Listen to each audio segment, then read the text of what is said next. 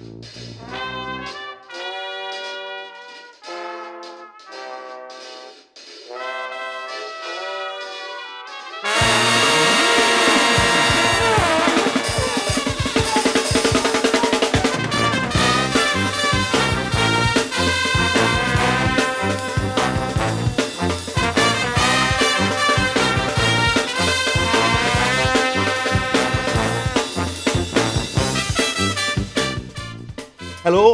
Croeso i benod rhif 14 o Ysbeidiau Heilog gyda fi Llwyd Owen.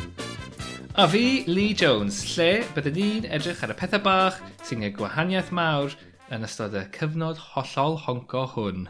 Reit e, so ni yn bodlediad hollol anibynnol, dim ads ar ein podlediad ni ac felly mae angen eich help chi ein gwrandawyr gwych uh, i fath o ledeinu'r neges o tan ysgrifiwch, rhanwch, gwrandewch yn amlwg, chi ffocin gwrando'n barod. Jyst gwerwch wrth eich ffrindiau. Ti'n mo, na'r na, na unig ffordd uh, ni'n gallu tyfu uh, y podlediad yma, yn dyfelu? Wel, yn union, ie. Yeah. Um, yn ywedig os oes, uh, os oes um, corfforaethau anferth yn dwy neu'n syniadau ni. Ie, yeah, so beth o'n um, shout-out i uh, gynhyrchwyr y BBC Radio Cymru, Eli? Ie, yeah, big shout-out mawr. a ti'n bod, achos be nath ddigwydd, penethnos diwetha, neu penethnos cynt, e, uh, penethnos Goel y Banc ar Radio Cymru, oedd hi'n e, uh, penethnos hasnod i'n gwneud gwahaniaeth. Uh, lle roedd yr orsaf yn Be oedden ni'n neud? Oh, hang on. Gen ti'r blurb. Ti'n gwybod be? O'n nhw'n dathlu'r pethau bach a mawr sy'n gallu gwneud gwahaniaeth i'r ffordd o'n ni'n byw ein bywydau heddiw. I mean, ti'n mo, mae hwnna'n canu cloch. Mae hwnna'n... Dyn nhw ddim wedi newid hynna digon i, i wneud i fi feddwl bod nhw heb uh, cael ysbrydolaeth o rhywle arall. Uh, y pethau well, bach sy'n... Mae'n pethau bach a mawr sy'n gwneud gwahaniaeth. Dyna, Dyna yeah, man. Sef, sef ddim yn canolbwyntio ar pethau ein... mawr, just y pethau bach. literally, in, in catchphrase ni, pretty much. Um, so yeah, shout out i'r BBC. Os ych chi eisiau, ti'n mo, cynnig swydd i fi a Lee uh, trwy BBC Sounds neu Radio Cymru, mae croeso i chi gysylltu. Um, DM-wch ni, ond ti'n mo, stopiwch dwy'n yn ffucking syniadau ni, y cunt. Oh my just, god. Just anyway. hollol syndod, achos ti'n gwybod, maen nhw'n ma nhw gwybod lle i ffeindio ni, maen nhw'n nabod ni. Dyn nhw? So, yeah. Anyway. At us. At us, babies. um, so yeah. anyway, yeah, mae hwnna allan o'r ffordd. Fuck the BBC. Um, na, dwi'n jocan, fi eisiau job. please, please, please. Uh, never say never. Um, ond ie, yeah, um, be o'n i'n mynd i ddweud nawr? Uh, yeah, well, yeah, so ar, ar, ar wahan i corfforaethau mewn, dwi'n ein syniadau, um, sio mae ma, ma pethau gyda ti uh, o ran dy iechyd meddwl a stwff, Lee? Uh, Wel, mae wedi bod yn hollol gachlyd, i fod yn onest. Um, dwi wedi bod yn reit sal eto. Um, dwi... Uh, dwi hefod mor sal a hyn ers tua dechrau'r blwyddyn. So o'n i'n eitha sal um, mis Ionawr uh, am spel, ond o'n i di... Um, ond o'n i'n kind of gallu cymryd camau i, i wella ac i... Um, ac i, ti'n mo, just, just, just camau bychen. Dyna gyd ti'n gallu neud weithiau. Ac um, o'n i kind of ar y trywydd iawn. Um, pob dim yn kind of mynd yn y, yn y cyfeiriad cywir. Uh, a ie, yeah, a wedyn just relapse mawr wythnos diwetha. Um, teimlo uh, kind of back to square one really. Oh, ond um, yeah, ond ti'n gwybod, dwi'n kind of uh, Dwi'n hyderus achos dwi, dwi, dwi, dwi wedi bod yn, yn y man yma o'r blaen a dwi wedi bod, dwi wedi bod mewn, mewn sefyllfa lot, lot waith na hyn. Ac um, dwi'n ffodus iawn mewn, mewn lot o ffyrdd. Ac um, yeah, a ti'n gwybod, just fel yr holl kind of cysyniad tu ôl i hwn, edrych, edrych am, am y pethau bychan. Mae ma yna lot o bethau bychan uh, yn fy mywyd i sydd yn helpu fi. Um, ac, uh, yeah, just, um, just shock, really i kind of uh, bod ar y trywydd cywir yn kind of gwneud um, just, just, just symud ymlaen ac, ac yn gwella ac a'r ffaith bod i kind of mewn rheolaeth o'r kind of y siwrne hynna a a'r ffaith bod, hyn, bod y relapse yma wedi just dod allan o'n unlle. Um, so, os, os rhywbeth wedi trigro... Ie, yeah, so bod yn kind of sioc mawr, really. So beth, beth wyt ti'n gallu wneud i, uh, ti'n modd, beth yw'r tactegau a'r technegau wyt ti'n defnyddio i gael ti trwy'r dydd, man? I, ti'n modd, achos mae pobl, falle bod pobl yn gwrando, falle bod rhywun allan yna'n gwrando sydd yn mynd trwy rhywbeth tebyg ag ti'n modd, os yna rhywbeth ti'n gallu awgrymu iddyn nhw wneud? Uh, Wel, ie. Yeah. Uh, Syllu'r gwactod, uh, yfed yn drwm, um, beidio cysgu cymaint. Um, Na, wel, dwi... Um, na na kind of, na siarad am, am syllu mewn i'r gwactod uh, yn hwyrach ymlaen. Like your favourite pastime. Ie, yeah, na i ddod nôl at hynny. Ond, um, wel, be dwi wedi uh, gwneud yw um, just kind of roi, roi kind of lle i fi fy hun. Um, lle dwi'n gallu blaenoriaethu ti'n gwybod, fy, fy, fy nhriniaeth, basically. Achos mae ma rhaid edrych arno hi mewn cyd-destun meddygol, really. A dyna beth yw i. So, boed hynny'n um, cymryd amser i ffwrdd o, o gwaith, neu um, gwneud gof, gofyn am help gan eich partner efo gwneud pethau gwmpas y tŷ neu beth bynnag am, am y tro. Yeah. Um, ti'n gwybod, just kind of, mae'n ma, rhaid, yn ywedig gyda fy mhartner i Naomi, mae'n ma, ma, ma help mawr fy mod i'n eitha agored efo hi, achos mae hi'n gallu um, i ryw raddau kind of roi'r lle na i fi gallu kind of gwella fy hun. Um, neu mae yna kind of uh, lefel arall o kind of uh, deallusrwydd lle ti'n gwybod falle...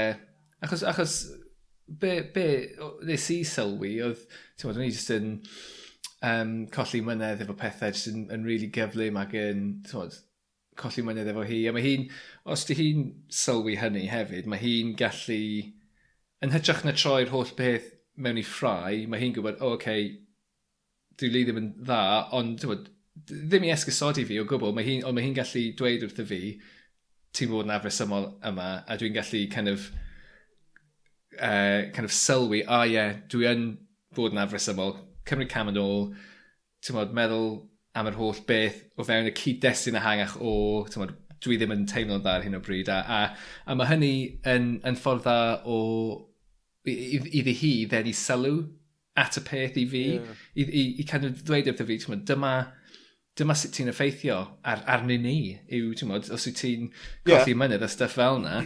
A, a ti'n modd, mae hynny, ti'n modd, mae hynna'n kind of sobro ti fyny rhywfaint a meddwl, oh, fucking hell, ti'n modd.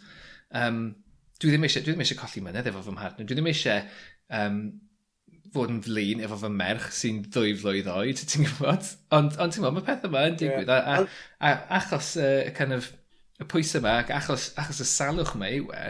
Yeah. Na, mae hwnna'n um, ti'n meddwl, ma hwnna'n rhywbeth sy'n digwydd i fi mewn cyfnodau o iselder. Um, Dwi'n dwi, anghofio, a fi'n meddwl bod hwn falle'n gyffredin ymysg pawb sydd yn dioddef yn dyfe i, i ba bynnag raddau, bod chi'n anghofio um, bod na fyd tu allan eich pen chi. A, yeah. ma, ma, ma, a, a, a, a, a, a, a, a, a, a, a, a, a, a, a, a, a mae'ch ma problem, problemau chi yw'r unig beth chi'n gallu gweld, rhaid ti'n methu gweld tu hwnt i hynny. Um, mm. Ond wedyn mae cael partner sy'n byw gyda ti a, a, a plentyn ifanc hefyd yn lefel yr oed ag yn atgoffa ti yn aml. Um, a ti'n meddwl, mae un peth yn wir gyda fi, gyda, mm. gyda'n heili. Mae'n ma, ma fe yn uh, atgoffa di heb orfod gweud na wneud dim byd bod mwy i'r byd na dy broblemau di, yn dyfa, so... Ie, ie. Ie, wel dyna'r thing, ti'n gallu, ti gallu fod yn, yn flin, ond mae'n anodd fod yn kind of depressed a, a teimlo'n fel ti eisiau lladd dy hun os ti'n sychu tî'n rhywun, ti'n gwybod? Achos... Ie, yeah, man. Mae'r ma blaenoriaeth yn shiftio am o leia... O, am o leia deg eiliad, ti'n gwybod? Mae'n kind of, ma snapu ti allan ohono fe am, am, am y deg eiliad hynny. Ti'n ti gallu mynd syth nôl mewn iddo fe, Ond uh, ie, ond mm. dyna thing, dyna pan mae'n brysur, dyna pan mae'n ma bwysig i, um, i gadw mewn cysylltiad efo pobl. Um, yn ywedig os ydych chi yn teimlo'n isel, um, yw oherwydd mae'r kind of, mae'r cysylltiad hynny, mae, mae siarad efo pobl, fel ti'n dweud, tu allan i dy dybendi, um, mae'n ma ma cymryd ti allan o hynny rhywfaint.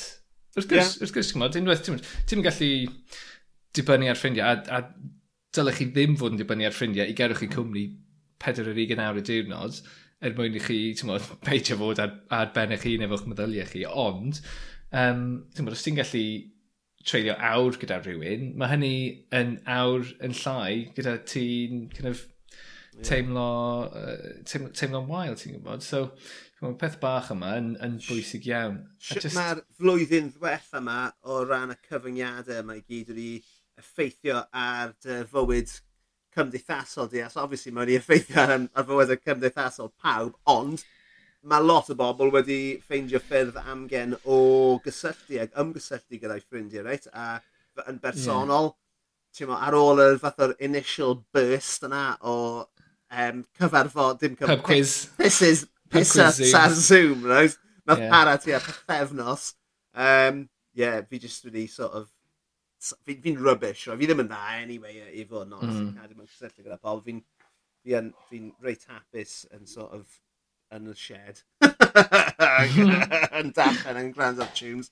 Ond um, yn dod ti man, wyt ti'n dda o ran cadw mewn cysylltiad gyda hen ffrindiau a ffrindiau newydd? Dwi, na, dwi ddim really. Dwi, uh, ond dwi, dwi, dwi fath o berson sy... Os unwaith dwi'n kind of ffrindiau da fo rhywun, mae fel, ti'n modd, dwi'n gallu mynd blwyddyn heb siarad efo nhw, a wedyn just pigo fe fyny. Ie, yeah, ie. Yeah. Dwi'n kind of fath o berson hynny, ond dwi'n dwi, dwi deall bod pobl yn wahanol i hynny, mae ma rhaid kind of cynnal perthnasau efo pobl eraill. Ie, yeah, man. Uh, I kind of cael hynny allan, mae hynny, ti'n gwybod, digon dig. Um, ond dros y flwyddyn diwetha, dwi wedi caru'r ffaith bod na ddim wedi bod y pwysau i weld pobl. Dwi wedi... Na fi, man, na fi. Caru'r ffaith bod fi wedi bod yn arbed arian achos o'n i'n gwario shitloads yn y pub. Um, a, ie, yeah, ti'n ag, um, ie, yeah, mae'n ffynnu achos, um, nes i weld llwyth o bobl yn i arfer gweithio efo ar nos Sadwrn um, ar gyfer pen blwydd rhywun, ag Oedd hynny'n gret, ac oedd rhai pobl yna, heb, heb gweld nhw am tair mlynedd, ac oedd yeah. fel, oedd ni heb, heb gweld nhw am, am bythefnos. Ac oedd hynny'n neis, ac oedd e'n, o, oh, methu credu pobl yn dda yw hwn i, i allu weld pobl, ond os ni eisiau bod yn gwneud hynny bob wythnos, na, nid really. Ond y thing, y thing, ie, falle, ond dyna'r thing, pan ti'n pan ti'n cael plant, mae dy blaenoriaethau di newid yn dyn nhw. O, man, gorau am cael plant oedd cael yr esgus yna i ddim i fynd allan. Ie. Yeah. Amazing. O, oh, sor. Mae wastad. Mae'n yn sal, dy fi. Ie. A dyna thing, os ti, os ti ddim yn siŵr, os ti ddim yn siŵr, o, ddim yn siŵr os ti eisiau fynd, mae ma nom yn dweud, o, just defnyddio aida fel esgus. Ie, yep. idea. Right. Yeah. Ond, ond y thing, y thing efo, dros y flwyddyn diwetha, yn sôn am, am cysylltu efo pobl, achos, achos dwi yn just yn, yn crap am, am gadw mewn cysylltiad efo pobl, um, cyn y flwyddyn diwetha, o'n i braidd yn kind of cadw mewn cysylltiad efo mam a dad. Falle, falle fys ni'n ffonio mam unwaith y pethefnos, falle. Yeah. Ond nawr, dyn ni'n kind of siarad ar, ti'n modd, ni'n cael video call bob, wel, falle dwywaith yr wythnos. um, a ti'n modd, mae'n un shift mawr, a mae'n A mae, ma hynny'n hyfryd achos um, mae'n ma golygu, wel, un bod ni'n rhan o'n bywyd ni, ond on dau bod, um, bod Aida yn gallu adnabod um, mod, Nana a Tad Ci. Yeah. Um, a, a mae hynny yn, yn hollol bwysig ac um, yn ymwedig achos dyn ni'n mynd ar ein gwyliau ac yn ditio hi uh, efo mam a dad fi. so. Dwi'n bwysig iawn. Ti'n goffa'r cynnal uh, berthynas tan hynny o leia. Ie, ie, ie. Mae'n back to the old regime yn ôl, yma. E? Ond ie. Ie, mae'n weird, right, achos... Ond ie. I mean, fi wedi siarad mwy gyda fy hen ddi ni dros y flwyddyn a hanner diwetha yma, na dwi fel arfer yn, ti'n mo, achos er, er bod fi yn gweld dad yn reit aml, mae fe'n ma byw so mae'n byw'n bell o fan hyn. So ni yn, ni yn gweld, mm. mae fe'n mae berth berthynas oedd yn seiliedig ar ofal plant, so bys yn yn casglu'r merched o'r ysgol, uh, yn bwydo nhw, yn, yn aml mynd nhw i McDonald's neu Toby Cavery neu Subway, mm. uh, mynd nhw i ballet, i gymnasteg, i pêl rwyd, be bynnag. Um, lle, so, so bys y dad, yn, yn, bys ni'n gweld e amser mae fe'n drop nhw off, a ti'n ei, chi'n iawn, bla bla bla. Ond mm. oedd e, hi'n fleeting visit, a wedyn, a wedyn dros nos, gyda'r pandem, fi'n fi siarad bron bob dydd gyda fe nawr. Um, mm. Ti'n mo, cael sgyrsiau tebyg. ti'n mo? Mae'r hyn un yn... Uh, a fi'n meddwl bod fi'n dechrau neud e, fi'n meddwl bod fi'n dechrau ail ddweud, ail adrodd yn ni'n yn trwy'r amser hefyd, ond... Uh, na ni, mae'r ma pethau yn, yn digwydd, ond mae dim cymaint am, ar, ar hen ddyn yn dyfa, ond uh, na ni. It's all good though, it's all good. Ond wedyn, o ran perthnasau gyda, mae brawd dy ti, mae brawd dy fi hefyd, a er bod ni'n ffrindiau da, mae ma, ma Rusty yn byw, ti'n ma, lan, lan y cwm, ti'n hanner awr fan hyn. A, a, a, a dwi, dwi, dwi, dwi ddim yn gweld yn gilydd yn aml, ti'n bo? Uh, hmm. falle mm. unwaith y mis. A wedyn, wythnos diwetha, fel mae'n digwydd, oedd y mrawd i a fi yn y gogledd ar yr un pryd, o'n i yn Ynys Môn, oedd y mrawd i yng Nghyriciaeth, a wnaethon ni gwrdd lan am ddau ddwrnod a, a, a, a cael y fath o quality time gyda, gyda'i deulu fe, a fy nheulu i, a, a teulu chwaer Lisa hefyd a, a, a, a pethau fel yna. O'n i heb cael y fath o quality time yna gyda fy mrawd yeah. ers, ers misoedd a Oedd e'n lush, man. Mynd i nofio yn y, yn y, yn y môr yn trefol gyda fe. A ah. cymharu maint ein bronau. Amazing. just, just creu atgofion melus. Wel, sir felus. Sir.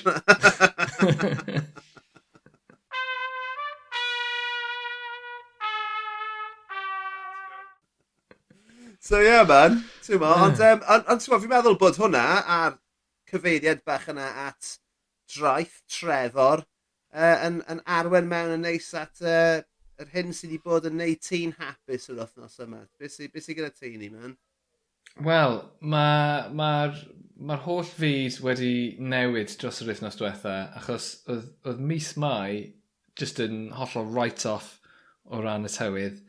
Uh, Dwi'n gwybod be nath ddigwydd, falle mae yna rhyw dyn tywydd yn gwrando right. sy'n gallu dweud wrthyn ni, ond uh, neu menyw.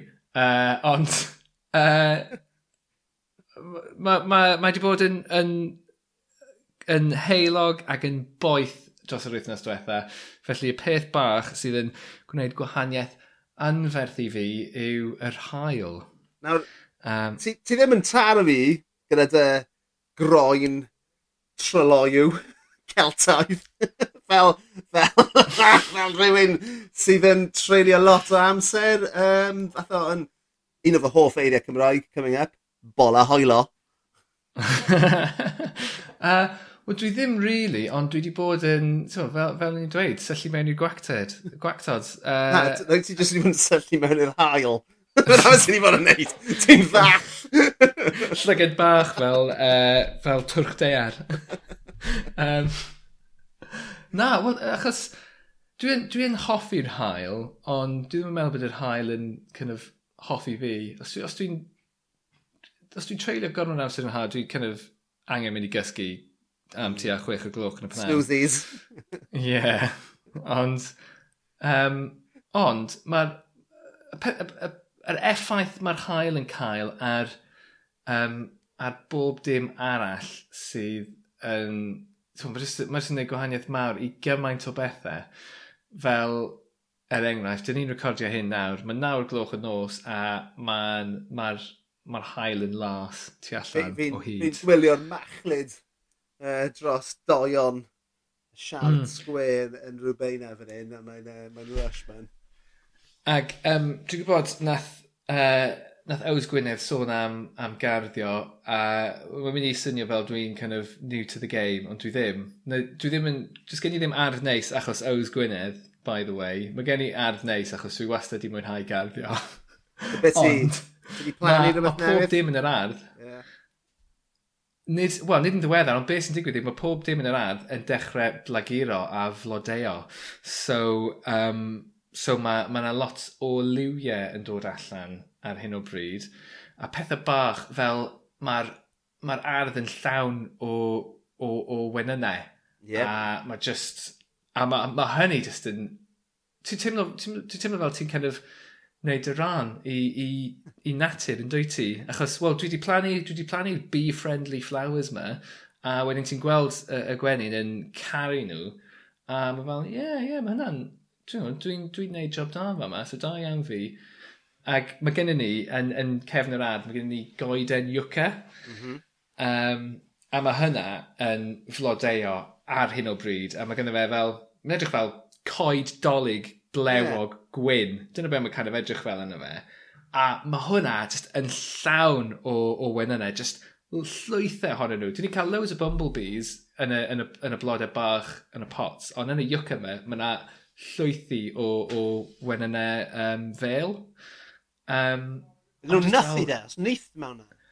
Wel, dwi'n siŵr, does na ddim neith yna. Maen nhw'n cymryd y neith dar o, yeah. o fanna. Achos mae'r okay. ma coeden yma yn drewi. Mae'n ma nghefn yr ardd, bore syl, o'n i uh, pedmaid mawr, ac o'n i'n iste lawr yn y cawod, yn teimlo sori dros fy hun, ac o'n i'n gallu ogler uh, coeden yma yn, yn y cawod o kind of cefn yr ardd. Felly, mm. mae'n stinco, absolutely stinco, a mae'r A mae'r pryfyd yn fucking horny drosto fe. Um, so ie, yeah, mae'r hael wedi, suppose, wneud um, gwahaniaeth anferth i fi. A, a ti'n bod, achos dwi wedi bod allan yn, yn yr ardd lot, jyst yn syllu ar pethau, mae'n teimlo fod dwi wedi bod yn gwylio'r planhigion yma yn tyfu.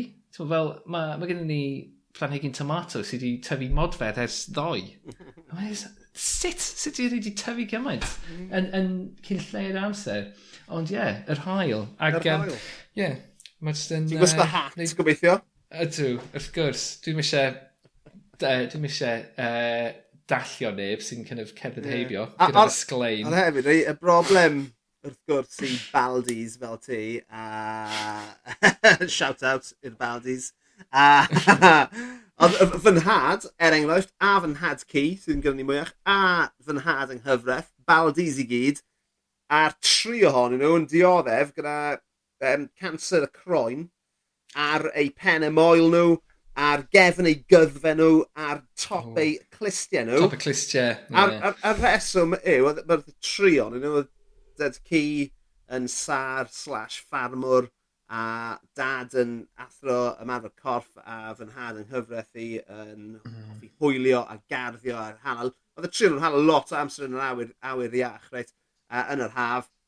A yn y 70au, 80au, doedd dim, ym, dim ymwybyddiaeth um, well, o... Doedd dim twll, doedd dim twll yn y rosa yn pryd hynny. Ti'n iawn, ti'n iawn. Ond, ti'n so, so, Ie, fel fi'n gweud, mae, mae dad yn, yn, yn dioddef a fy nhad yng Nghymru hyd heddiw gyda... Wow. Um, beth chi'n gael nhw? Mae, Me melanoma efo? Ie, melanoma, mm. ie. Yeah. Sbyd yna, dyn nhw just kind of mm. fel, fel scab sy'n brifo. O, mae'n awful ma, mae'n awful ma. Ie, so mae dad newydd gael rhyw dri wedi tynnu off i knuckles e, off i ddwrne. Um, a maen nhw'n mynd, ma nhw mynd a dod. Mae'n, um, mm. yeah, ond, ond mae fe gyd yn deillio Uh, ac yn, tyfo, o, o'r ffaith bod nhw, bod nhw just ddim wedi rhoi unrhyw hufen mm. hael arno sydd yn ifanc. Wel, dwi wastad yn neud pan dwi'n mynd allan, ers, ers bod yn, yn ben foelin, achos dwi just yn paranoid o, o kind of dal yr hael Cef, Cefn y gyddw, a tyma, top y clistio fel ti'n dweud, mae hynna jyst yn hawdd iawn i anghofio. Nes i, just... nes i gael yn llosgi'n ilw wythnos diwetha ar, uh, yeah, ar, ar, ar Ar um, Ynys Môn. Ie, yeah, ar gwyl y banc ar y dydd llun, o'n i wedi mynd allan ar y pus dydd syl, a o'n i'n penmaen mawr hefyd ar y dydd llun, a nes i eistedd yn yr ardd, pretty much trwy'r dydd. yeah, Mae'n ma has pan mae'r plant yn hun yn diwedd. Yn e? yn shorts. um, o'n i heb, nes i ddim roed hif yn hailan, a tan bod e'n rhy hwyr yn e. Ah, tan bod e'n rhy hwyr. Yeah At Elisa... Ti'n gallu ti, ogle rhywbeth yn llosgi. Ond, ti'n gwybod be?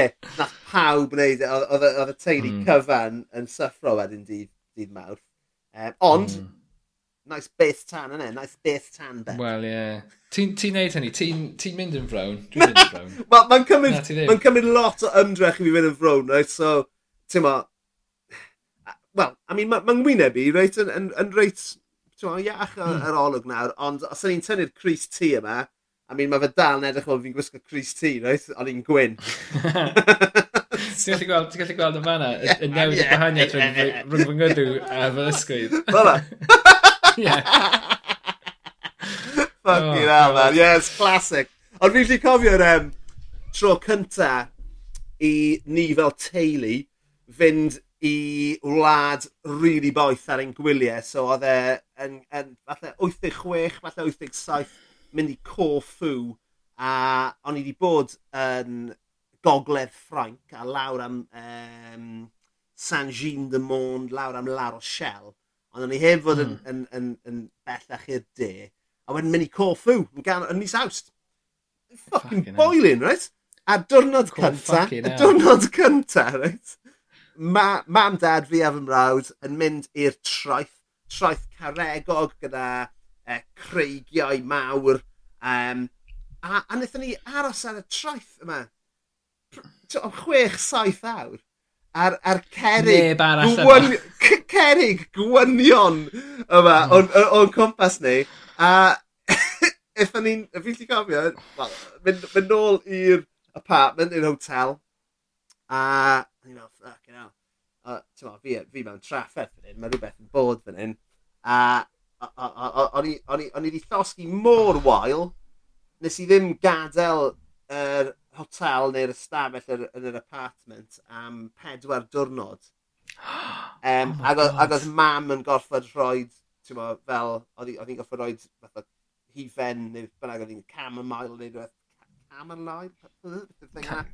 Yeah. yeah. Ti'n gwybod beth A, yeah. a, a, oedd hi'n goffod, oedd hi fel goffod roi hwnna arno fi bob dwy awr neu beth fel am 3-4 o'r dyrnod. A wedyn, oh, a wedyn, nath y croen just peel off. There goes my base tan. A nath yr un peth oh. digwydd i fi, neu rhywbeth tebyg digwydd fi, a diwrnod cyntaf fi yn Australia. So nes i lanio yn Australia um, rhyw fore, ac oedd yn ffrindiau Babs a Vex a Eugene yna yn barod, ond nhw wedi bod yn teithio sy'n 3-4 mis trwy Gogledd America, um, Fiji, Zeland Newydd a darn o Australia. So, o'n nhw, on nhw yn frown a yn iachus. O'n i yn mm. glanio yn hollol wyn. Um, a, a, a, a, oedd hi'n ddwrnod, oedd hi ddim yn ddwrnod braf, oedd hi'n ddwrnod cymylog. A nhw, like, ond on, ti'n on, eitha twym, pleserus. A nhw, like, come on, lawr y traeth yn ni, mae'n rhaid ni mynd i'r traeth ar dynod cyntaf ti. Lawr yn ni, cydgi, a oedd y boys, a, a, a, no shit yn rhoi fath o coconut oil arno achos o'n nhw mor o'n nhw mor frown o'n nhw mor frown a hyfryd a hynny right? Oh. ac yn nhw rhoi like factor 2 neu rhywbeth o'na coconut oil. A uh, o'n i fel wel dim really angen dim byd ys e? Achos dwi ddim yn dwi ddim yn dwym iawn dwi ddim yn dwi ddim yn, yn, yn, yn, yn heilog. God honestly, yr un peth eto, o'n i methu gadael y tŷ am tri diwrnod yn ola, cos o'n i'n oh fucking llosgi mor wael. Mae'n overcast. Oh my god. Yeah. Yeah, hael. Fuck off, um, hael. And lan la o fanna, achos mae ma Twll yn Rose yn leid, mae ma, ma bodoli, ti'n modd, o gwmpas Australia, Zeland Newydd yn diwedd, so ti'n modd, ar, ar dyddiau drag ymylog ti'n gallu... Wel, ie, o'n i'n o'n i'n mess. Oedd e ddim yn drag ymalog, oedd e ti jyst yn ffucking wirion. No, wel, na, oedd hi yn, oedd hi yn, oedd hi'n overcast, a ond... Oedd e, oedd e... Yeah, anyway, anyway, bys ni'n hoffi gweud bod fi wedi dysgu fy ngwers. Ond no. dyna ddim quite yn wir chwaith. o'n i... Um, nes i brynu uh, padlin pool heddi ar gyfer Aida, a mae'n ffucking anferth. Oedd e cymryd Oedd y cymryd tua deg munud, jyst i, just i cyfro'r gweilod ohono fe, gyda dŵr. Amazing. Ond, um, uh, yeah, o'n i'n istedd, istedd yn hael amser cinio gyda, um, gyda fy, fy nhroed i yn y padlin pŵl ag um, gwydren o, o gwrw. A fe ni just yn, oh, it's yn bliss, absolutely rhyfeddol. A thing hefyd, achos mae boeth, mae pawb fo'i um, ffenestri ar agor hefyd. So ni'n gallu clywed uh, cymdogion yn ffucio pnaw yma hefyd. Oh, nice. Pa mor hir oedd wedi para? Wel, o'n i ddim yn gallu clywed brefi am tu am munud neu ddau. yeah, that's standard. Sometimes that's all it takes. standard, mate. yn, yn y gres yma. Beth oedd e? Beth oedd e? Pen blwydd rhywun?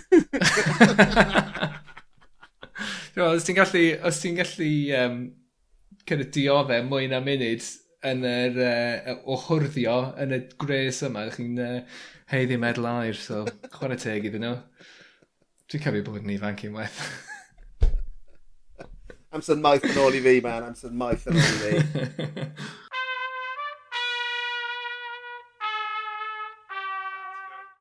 Iawn te llwyd, dyna fi, tor heilo, bol, bol heilo. Uh, yn frownio yn yr hael ag, uh, um, ag yn... Yn ymbinkio. Oh, yes. Oh, dyna air hyfryd arall. Uh, ond uh, beth amdano ti? Beth sy'n be sy caru ti ti fewn ac okay. i ffwrdd o'r hael ac okay. yn hapus? Right, so wythnos yma, oedd na lot o bethau gallwn ni wedi sôn am. Um, nath, nath fi a Lisa ddathlu ein penblwydd priodas ni dros y penwythnos. Um, 17 mlynedd o briodas. Um, Boring. Exactly, so na pan fi ddim wedi dewis e yna. A wedyn, wnaethon ni, o'n i wedi bod ar fy ngwyliau. Llon gyfrchiadau. O, diolch yn fawr i chi, diolch yn fawr, diolch yn fawr.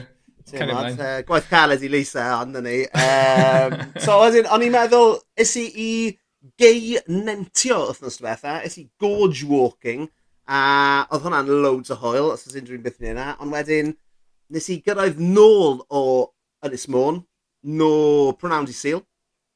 A... a hwnna oedd y peth. Do'n gartref! Adel Sir Fôn.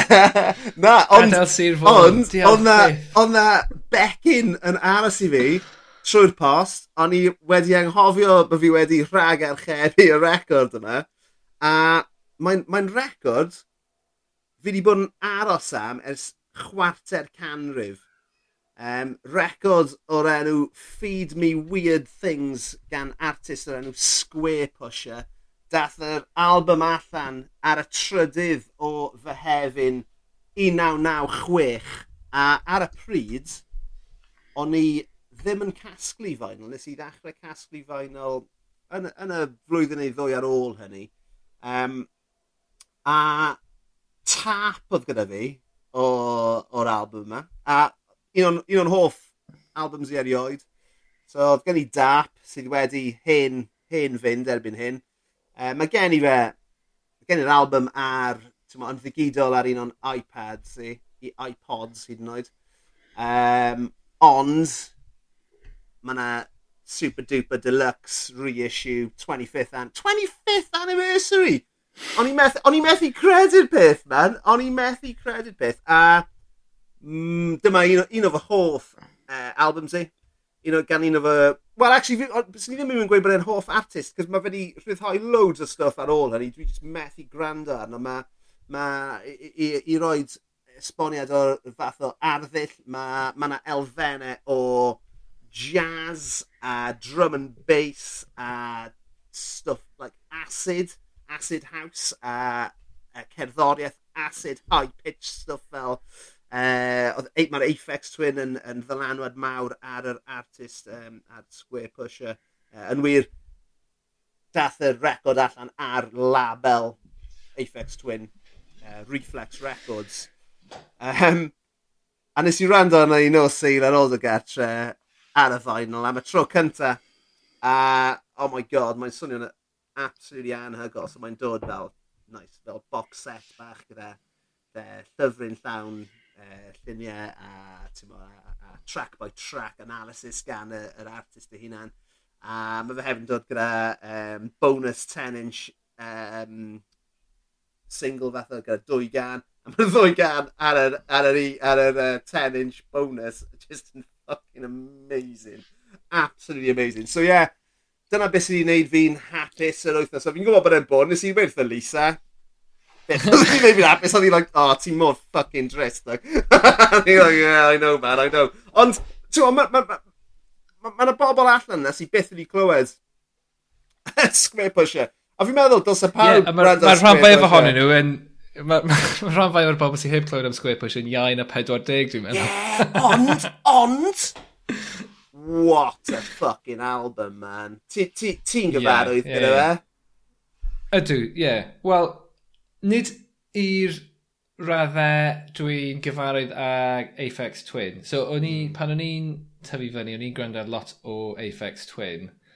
Um, a ambell i drac square pusher, gen i ambell i kind of MP3 square pusher ag yn hoffi y traciau yeah. Hmm. yma. O, oh, mynd dda. Ond nes i ddim byth um, kind of cymryd y plunge a, yeah. a edrych i mewn i, i weddill ei gatalog. Ond, dwi'n meddwl, dylsyd i wedi, achos mae...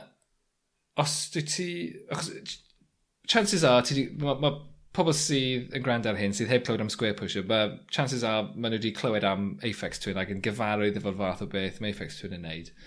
Uh, a bys ni'n dweud, mae square pusher yn kind of... Mae'n debyg i Aphex Twin, ond yn, yn fwy gerddorol. Um, Wel, mae ma fe'n... Mae'r ma, ma, ma dylanwadau yn mwy kind of mwy jazzy, a mae'n mwy o chwarae, mwy o chwarae byw Wel, dyna'r dyna, dyna, dyna gwahaniaeth mwyaf yw, uh, yn enwedig yn y cyfnod um, cynnar dwi'n siarad, mae ma fe dal yn cynhyrchu mm. hyd heddiw, fi'n edrych ar, um, fi'n edrych ar fath o discography, mae fe wedi wneud tua 15 album erbyn hyn. A, hmm. a, a, a, a, a mae'n ffynnu, ydy fe, a sa'n gwybod sydd i ti'n gweld hyn, ond yn aml, y peth cyntaf chi'n clywed gan artist yw'r yw, yw, yw yw, yw beth sy'n aros fel eich ffefryn. Mm. Mae hwnna'n yeah. wir i fi gyda cymaint o artistiaid, cymaint o fans, a mae'n hollol wir gyda gyda'r Aphex Twin a gyda Square Pusher fel mae'n digwydd. So Select Ambient Works uh, y cynta. Um, yw'r peth cynta. Glywed i gan... Fi'n caru'r Eileen, dwi'n gymryd fi, yn really caru'r Eileen. Ond yn un cynta, fi'n gallu cofio gwrando arno fe yn ystafelloedd mm ffrindiau yn smocio ac yn yfed amser ni'n fath o be, 15-16 oed. Yeah. Os hynny hyd yn oed. A mae fe yn ars dati, mae yna ma nostalgia, mae yna ma, na, gysylltiad. A, a hefyd, a, a ni'n siarad am, um, er, er iddo fe rhyddhau'r album ma, Reflex Records, uh, nath e arwyddo gyda neu llofnodi cytundeb gyda Warp Records yn yr un cyfnod a mm a hyd heddiw mae Square Pusher yn, yn, yn, yn rhyddhau rec, uh, i record y trwy warp a mae'r ma, ma, ma reissue yma yn dod o warp. Um, mae reflex yn rhan o'n fe ond uh, warp. A, a, a mae fe'n ma fe, ma fe chwaith cerddorol i. Yn stuck very warp record. yn stuck yn mid 90s warp records right? So mae gen ti so mae'r reflex twin a, a square pusher fel ni wedi gweld mae gen um, B12, un o'n ffefrynnau. Uh, mae gyda ti Black Dog, mae gyda mhm. ti Speedy J, a probably I mean, ti'n man, gallwn ni fod fan hyn am oriau yn siarad fel top, e- top fives, ond Red Snapper... Oedd yr album, album Ronnie Size Represent ar fwop, yn dweud? Na, sa'n meddwl ni. Sa'n meddwl ni. Ah, Dwi ddim yn meddwl. Dwi'n torri hynna allan. Ond ie, yeah, ond on, on just o'r cyfnod yna, fi, a o'n i'n just yn mynd i ddweud, taw, un o'n, un o'n hoff albums i, a bys efo yn yn top 10 ni, hyd heddiw yw Prince Blimey gan Red Snapper. A mm -hmm. nhw, i gyd wedi cael ei ryddhau rhwng, fi'n meddwl, tua 94 a 96. And that's where I'm still at o ran fy chwaith cerddor. A fi'n fi mynd nôl, dwi'n dwi gwrando ar y stwff yma, ti'n on aml hyd heddiw, na go-to. Ti, ti, ti wedi gweld y ffilm The World's End gyda Simon Pegg? Odw. A y ffaith bod cymeriad Simon Pegg yn kind of stuck yn byw mm -hmm. ei fywyd fel bod e'n 17 mlynedd oed. Yeah, man. Mae hynny'n kind of taro ar, ti'n bod, be ti'n sôn am y fan yn diwe, kind of, uh, um, yr oes yna yn eich bywyd chi lle mae yna gymaint o ryddid a mae pob dim yn exciting ac yn mm -hmm. fresh. Yeah. A mae'r kind of, y teimlad hynny dych chi'n cael o, o, o gerddoriaeth yn y cyfnod hynny, mae jyst yn kind of glynu atoch chi yn diwe. A pob tro ydych chi'n mynd nôl at, at y cerddoriaeth hynny, mae'n uh, mae jyst yna o hyd yn diwe. Yndi. Ond na, he, he, he bost, mae yna... Ma, ma, na, ma na just yeah, y nostalgia factor yw e, ynddo fe? Mm. So, sim, sim osgoi hynny. A... A, a'r ffaith hefyd, ti'n gallu, ti'n gwybod, ti'n... Um, dwi'n gwybod faint nath y box set yma costio, ond ti'n probably rhywle rhwng 50 a, a 100 quid, ti'n gwybod, rhywle... Dim quite. ond ti'n gwybod, ond bys ti byth di gwario arian, ti'n gwybod, nes ti, oedd gen ti hwnna ar, ar cassette pan oedd ti'n yeah. iau. 5.99. A nawr, ie, yeah, a nawr ti di gwario arian da ar kind of ffynhonell a, a, a fecyn swmpus sydd yn kind of cynrychioli kind of lle wyt ti a pwy wyt ti nawr, mm. ond hefyd mae'n cynrychioli pwy oedd y ti. Yeah. Um, kind of uh, 15 mlynedd yn ôl. Mae'n an... Dyna beth dwi'n... Dyna beth dwi'n neud fel job, yw cyn neud reissues nice. yma. Dyna beth mae'n rhaid i chi neud yn does? I mean, mae'n... Ma, ma, ma, honestly, mae'n angredadwy bod, bod hwn wedi dod allan chwarter canrif yn ôl. really yn. Mae hwnna'n chwal i fy mhen i broedd, ond uh, dyna ni, ni jyst yn mynd yn hyn, yn dyn ni. Uh, ond ie, yeah, so Square Pusher, fi yn um, yn argymell, os nag ych chi wedi clywed y beth, mae byddwch yn ofalus, cys dim e ddim i gyd yn randawadwy, mae lot ohono fe. I mean, mae Square Pusher yw un o'r e, uh, artistiaid nath sort of croesi drosoe i be ni'n galw'n drill and bass hefyd, sydd yn genre o gerddoriaeth mor fucking horrible. sy'n neb hangen gwrando arno fe. I mean, mae'n awful, right? Uh, Venetian snares a square pusher, boys yma. Ond on, on be maen nhw'n neud, ynddo fe, yw e? gwthio ffiniau cerddorol Sonic. A yeah. ti'n gorfod, ti'n gorfod, ti'n gorffod, mae'r Aphex Twin hefyd yn rhan o hwn, a ti'n gorfod tynnu, ti'n codi dy het i'r boes yma am wneud yn ni, ond bloody hell, mae lot yna fe'n anodd gwrando arno. Wel ie, yeah. a dyna'r pwynt hefyd achos gyda cerddoriaeth arbrofol, a lot ohono fe yw'r yw, yw cysyniad. Mm. Um, a mae rhaid i chi ddeall cyd-destun lot o wahanol cerddoriaeth i, i weld o le mae hwn yn dod er mwyn deall pam maen nhw'n gwneud y cerddoriaeth yma. Cymod, dych chi ddim yn gallu gwrando arni. Ti'n fel, um, fel, fel, er enghraifft, ti'n bod, um, oedd uh, Napalm Death, maen nhw jyst yn chwarae mor gyflym a ydych chi'n gallu, a hwnna yeah. yw'r pwynt. Mae ma nhw'n cymryd pethau i'r eithaf, um, a wedyn ar ôl hynny, um, oedd, uh, oedd un o kind of, prif leiswyr Napalm Death, nath e dechrau band o'r enw Cathedral, oedd yn fand, uh, fand dŵm dylanwadol iawn, a beth oedden nhw'n neud oedd just chwarae mor araf ag oeddech chi'n gallu. A, yeah. a wedyn ydych chi'n cael y bandiau wedyn fel um, fel Sun neu Sun O lle maen nhw'n kind of wrth yn taro un cod a gadlu hwnna just at seinio am 10 munud cyn chwarae cod arall. so just... In assholes. Maen nhw'n cael ei talu i wneud hwn. Maen yn union. A, a so, beth yw e, kind of a presence o'r or amps yw beth ydych chi'n kind of hwnna yw'r profiad, ti'n gwybod? O'n i jyst yn mynd i ddweud, ti jyst yn mynd i um, crybwyll napalm death fyna. Fi'n gallu cofio gweld Napalm Death, a dwi ddim yn fan o Napalm Death na Death Metal a stuff fel i ti, ond um, fi'n gallu cofio gweld... Maen nhw'n ma nhw grind co, actually. Oh, sorry. Um, fi'n gallu cofio nhw ar um, TFI Friday. TFI Friday. O yeah, ti'n yeah, ddigon, yeah. ti ddigon hyn? Ti deg mlynedd yn ifancach na fi, ond fi'n gallu cofio gweld yna ar nos Wener, as in, ti'n oedd e'n mlaen, achos oedd dim boxes a stuff fel gyda ni. Ie, ie, ie. A Chris Evans! Oedd Chris Evans yn really hoffi nhw'n neud rhywbeth. Mae'n rhoi, mae'n rhoi bod e'n. Pam arall bys nhw ar bloody TFI, ond o'n nhw'n fucking monsters, right? Absolute fucking monsters. Eh? Uh, Cyneuon yn para, be, 20 eiliad? Mae yna, ie, yeah, mae yna un, dwi'n meddwl mae nhw'n, um, dwi'n meddwl mae yna clip o Chris Evans yn kind of, uh, cyflwyno nhw, a maen nhw'n chwarae y gan yma o'r enw You Suffer. Ie. Yeah. A uh, a mae you suffer yn dwy eiliad o hyd. Ie, rhywbeth fel anyway. Mae just yn mynd... Dwy eiliad. Ie, y y geiriau, geiriau cyfan yw you suffer but why? A mae just yn mynd... You suffer but why? dyna ni, dyna'r gan i gyd. Ie. Uh, dwi'n meddwl hwnna, dwi'n meddwl dwi'n gweld y clip hynny, ie. Ie. A ie, so maen nhw'n ma nhw eithafol, neu bandeth, ond um, just cyn bod ni'n uh, uh, uh, uh, uh, clymu pethau lan, mynd nôl at square pusher. Os chi, os chi yn mm. hoffi, mae ma lot o stuff e yn really accessible a really funky. A mae fe'n chwarae, ma fe chwarae um, y, y bass yn fyw. Um, a a mae ma fe'n chwaraewr, mae fe'n bassist anhygol, right? A ti'n bass player dy hunan. Mae'n ma, ma squib o siwr, a mae'n chwarae fretless bass hefyd. Ti'n ffucking, fi'n caru pobl sy'n chwarae fretless bass, yeah. mae'n just more, mae'n just yn showing off cymaint.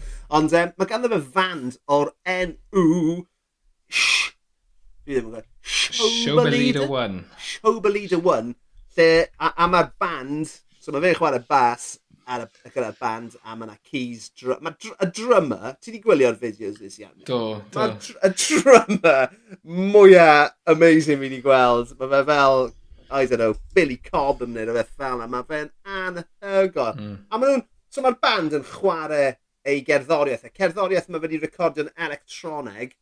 Um, mae ma, ma ganddo fe fand organic wedyn sy'n chwarae fe'n fyw a waw.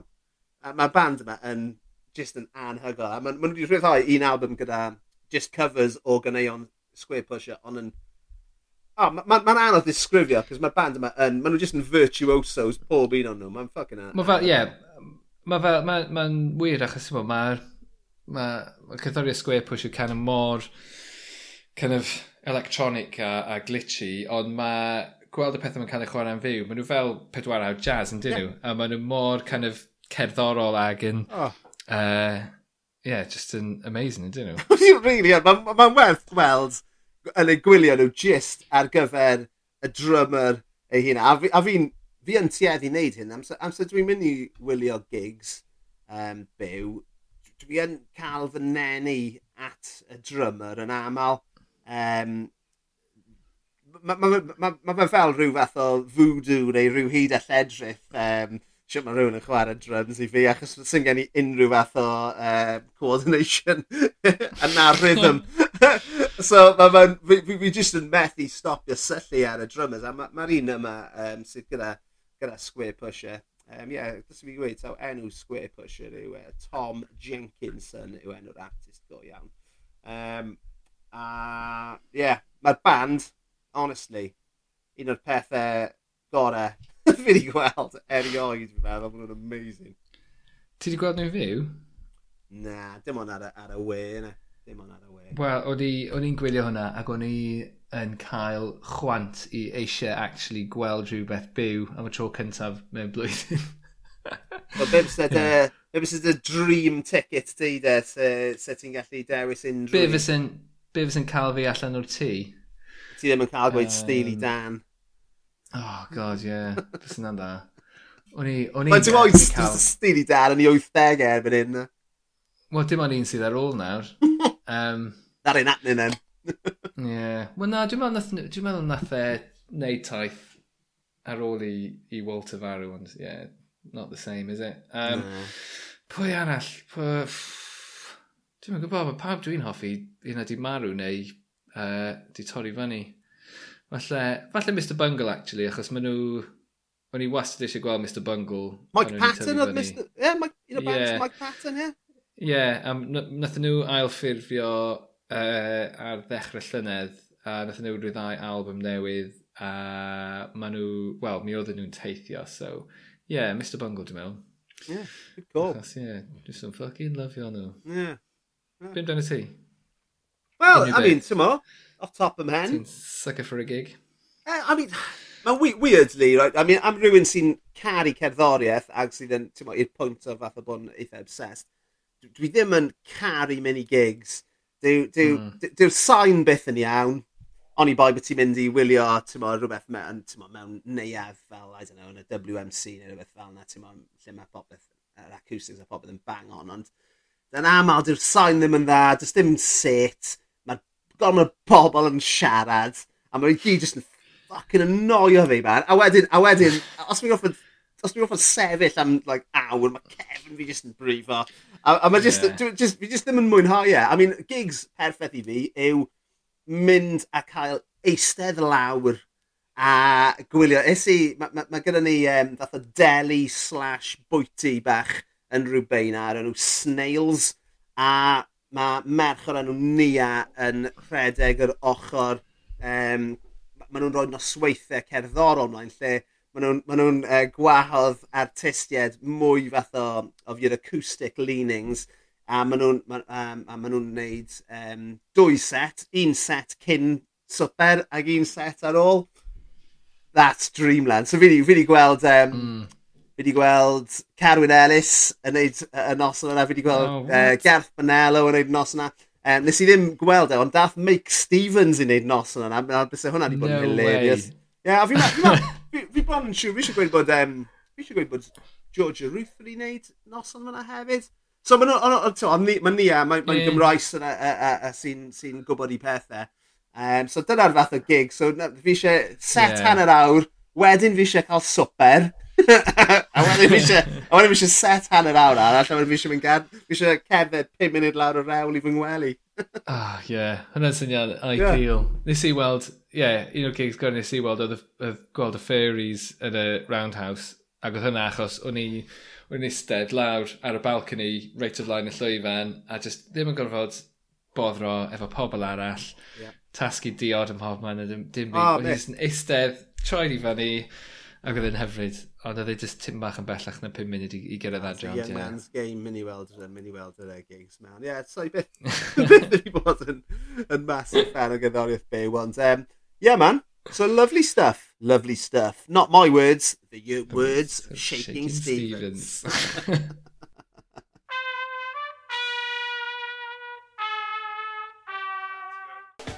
So ie, yeah, os, os angen ah. atgoffa ein gwrandawyr i dan ysgrifio ag i rannu ag i dilyn ni ar Twitter ar y speidiau heipod. Os angen neud yna? Uh, Fi jyst wedi wneud yna. That'll do. Cool, job done. Uh, yes, so, byddwn ni'n ôl wrthnos nesaf gyda gwestau arbennig tu hwnt yn byddwn ni, Leon, so ni'n mynd i weid pwy eto.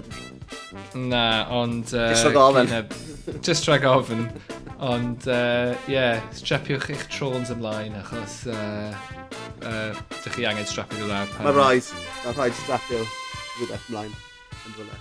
Anyway, ar y nodyn yna, Diolch am rando. Ta-ra.